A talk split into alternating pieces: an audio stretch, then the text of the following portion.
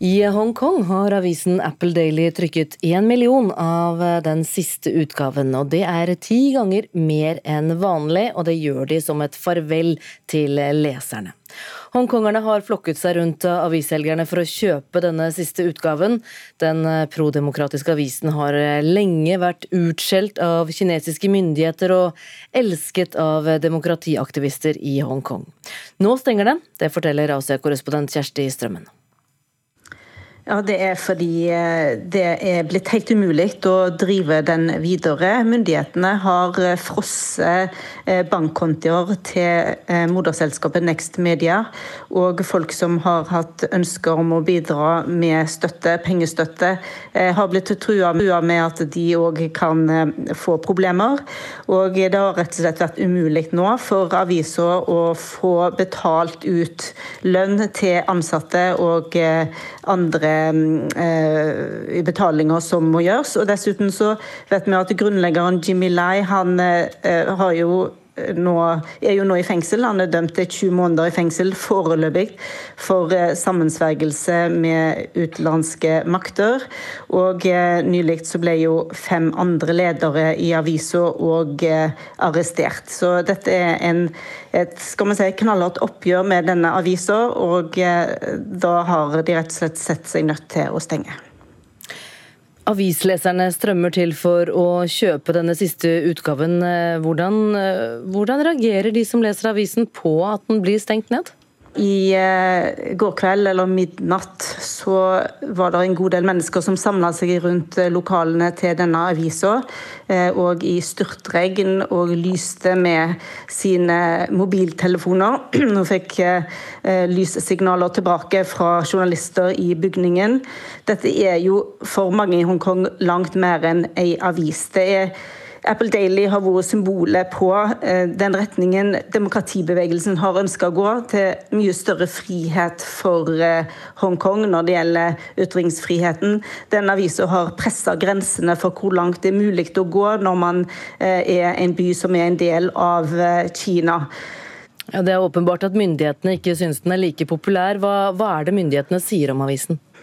Ja, Sikkerhetssjefen sier at arrestasjonene av uh, de ansatte eller lederne i avisa ikke handler om å gå etter pressen, men at dette er en avis som uh, bruker nyhetsdekning, journalistikk, som et verktøy til å skade nasjonal sikkerhet. Og Myndighetene kommer ikke til å tolerere det, og kommer til å gå aktivt etter alle som forsøker seg på noe sånt.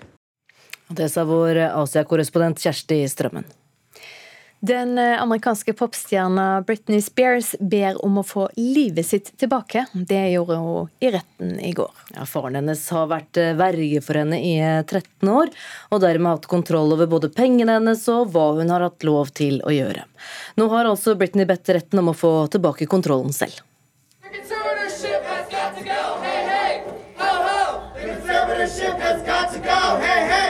Britney Spears has been in an unjust conservatorship for 13 years.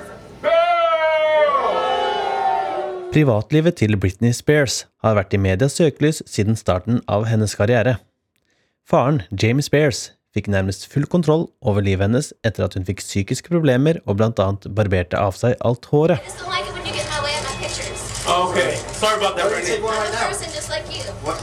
Are you okay, Brittany? Everything good? I rettssaken fortalte Britney at det eneste hun ville, var å eie sine egne penger, at kjæresten hennes skulle få lov til å kjøre henne rundt i bilen sin, og at hun skulle få lov til å gifte seg og få flere barn.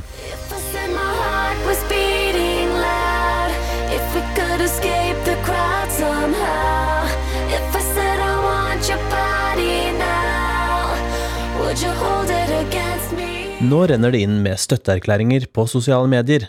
Stjerner som Maria Carey, Sarah Jessica Parker og Khloé Kardashian har vist sin forakt for hvordan Britney har blitt behandlet gjennom disse årene.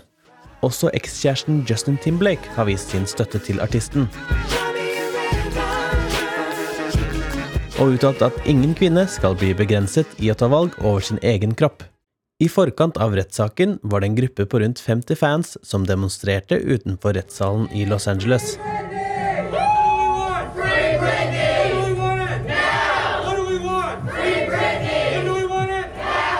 De gikk med plakater som det sto 'Free Britney' og demonstrerte mot det de mener er slaveri. Nå håper fansen at Britney skal settes fri fra farens kontroll.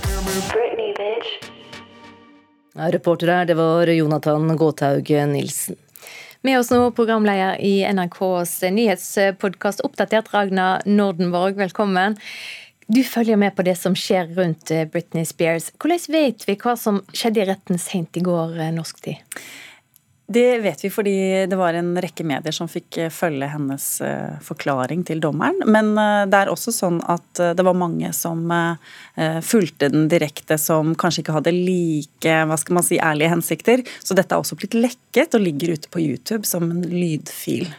Hvordan framsto hun i rettssalen? Forbanna.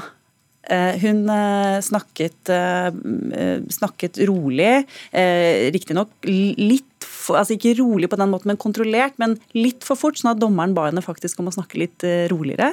Uh, sånn at man kunne få skrevet ned alt det hun sa. Uh, og så var hun veldig tydelig på at hun følte seg fanget i dette vergemålet. Og hun var også veldig tydelig på at faren hennes og de som var rundt ham, holdt henne der for å tjene penger på henne. At det vil hun ikke fortsette med. Og hun vil veldig gjerne slippe å ha dette vergemålet som hun altså har hatt i 13 år. Hva vet vi om hvorfor virker hun som en person som ikke klarer å ta hånd om seg sjøl? Det er jo det som er veldig spesielt, særlig sånn fra et norsk ståsted. fordi der eh, Jeg oppfattet det at eh, amerikansk og norsk lov er litt ulike på disse tingene. Eh, men det er klart at det er jo rart da å se at hun snakker ganske ålreit og sammenhengende. Litt, litt, sånn rørete noen ganger, men hun framsto ganske sånn fast i fisken. Og var veldig klar over hva et vergemål var, hva hun er med på. Og argumenterte jo veldig godt for seg på hvorfor hun mente at hun ikke trengte et vergemål. Så man er veldig nysgjerrig fremdeles. Altså, man har ikke blitt noe klokere på om hun har en underliggende sykdom, om hun har en helsetilstand som gjør at hun ikke, ikke kan ta vare på seg selv. Men hun snakket jo også i denne høringen om at hun eh, var på litium i perioder. Eh, så man aner jo selvfølgelig at det er ting med henne, men hvor dårlig hun er, det vet vi fortsatt ikke. Fortell litt om de reaksjonene som kom etter forklaringa hennes. De var jo eh, massive, de fleste, altså i retning av at hun eh, fortjener å settes fri.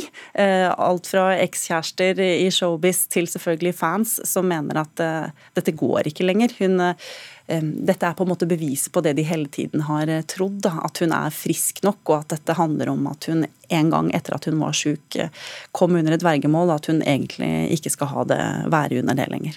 Hva tror du er årsaker til at så mange lar seg eh, engasjere i denne saka? Hun er jo verdens største popartist, i hvert fall var. Eh, og hun betyr jo ekstremt mye for mange. Og det er jo denne kontrasten mellom at hun har hele tiden eh, inntil nylig vært en artist som har vært eh, veldig populær og vært på scener over hele verden og gitt ut plater, samtidig med at hun altså da ikke får lov å bestemme hvilken ja, farge hun skal ha på kjøkkendøra si når hun bytter ut den. Så det er jo veldig sånn Det er jo det underlige med at en så stor stjerne kan leve under slike forhold. Vet vi hva som skjer videre nå?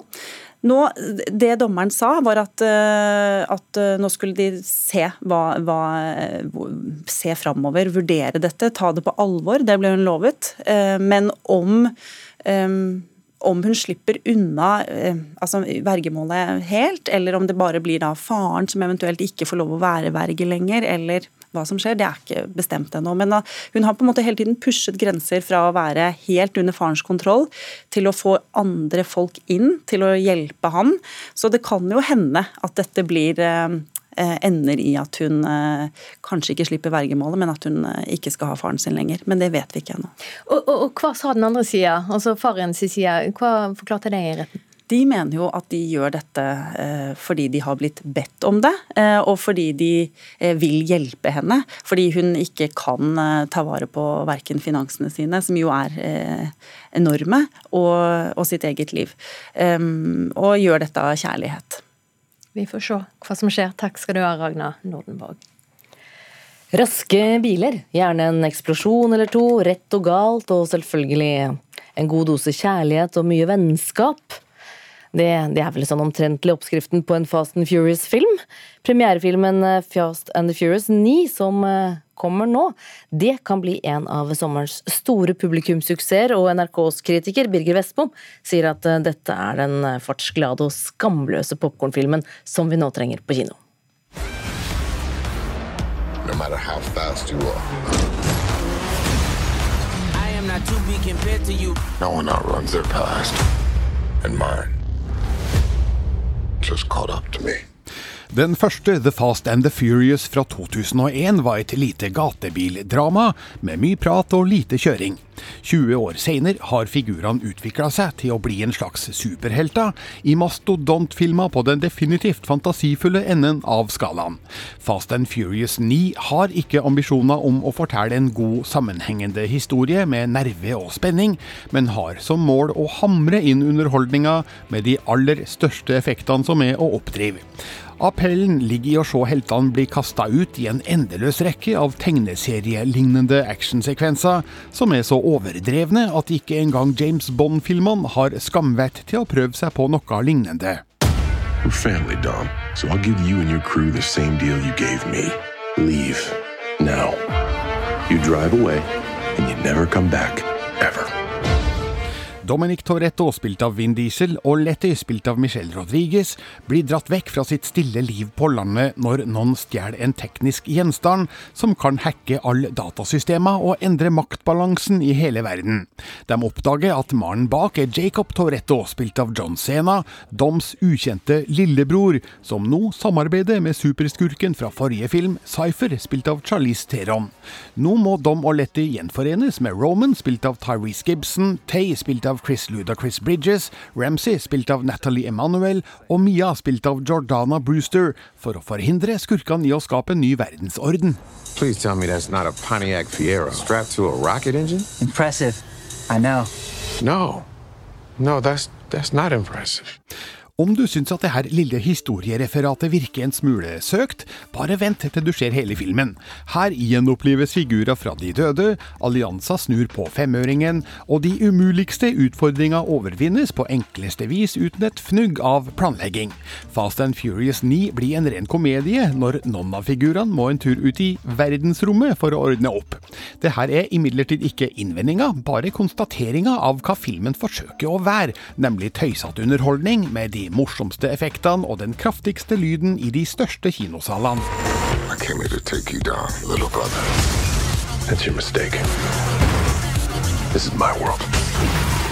Fast and Furious 9 er regissør Justin Leans femte i serien. Han ryktes òg å være aktuell for den tiende filmen, så denne sagaen ruller åpenbart videre med klampen i bånd og skjermlua på snei.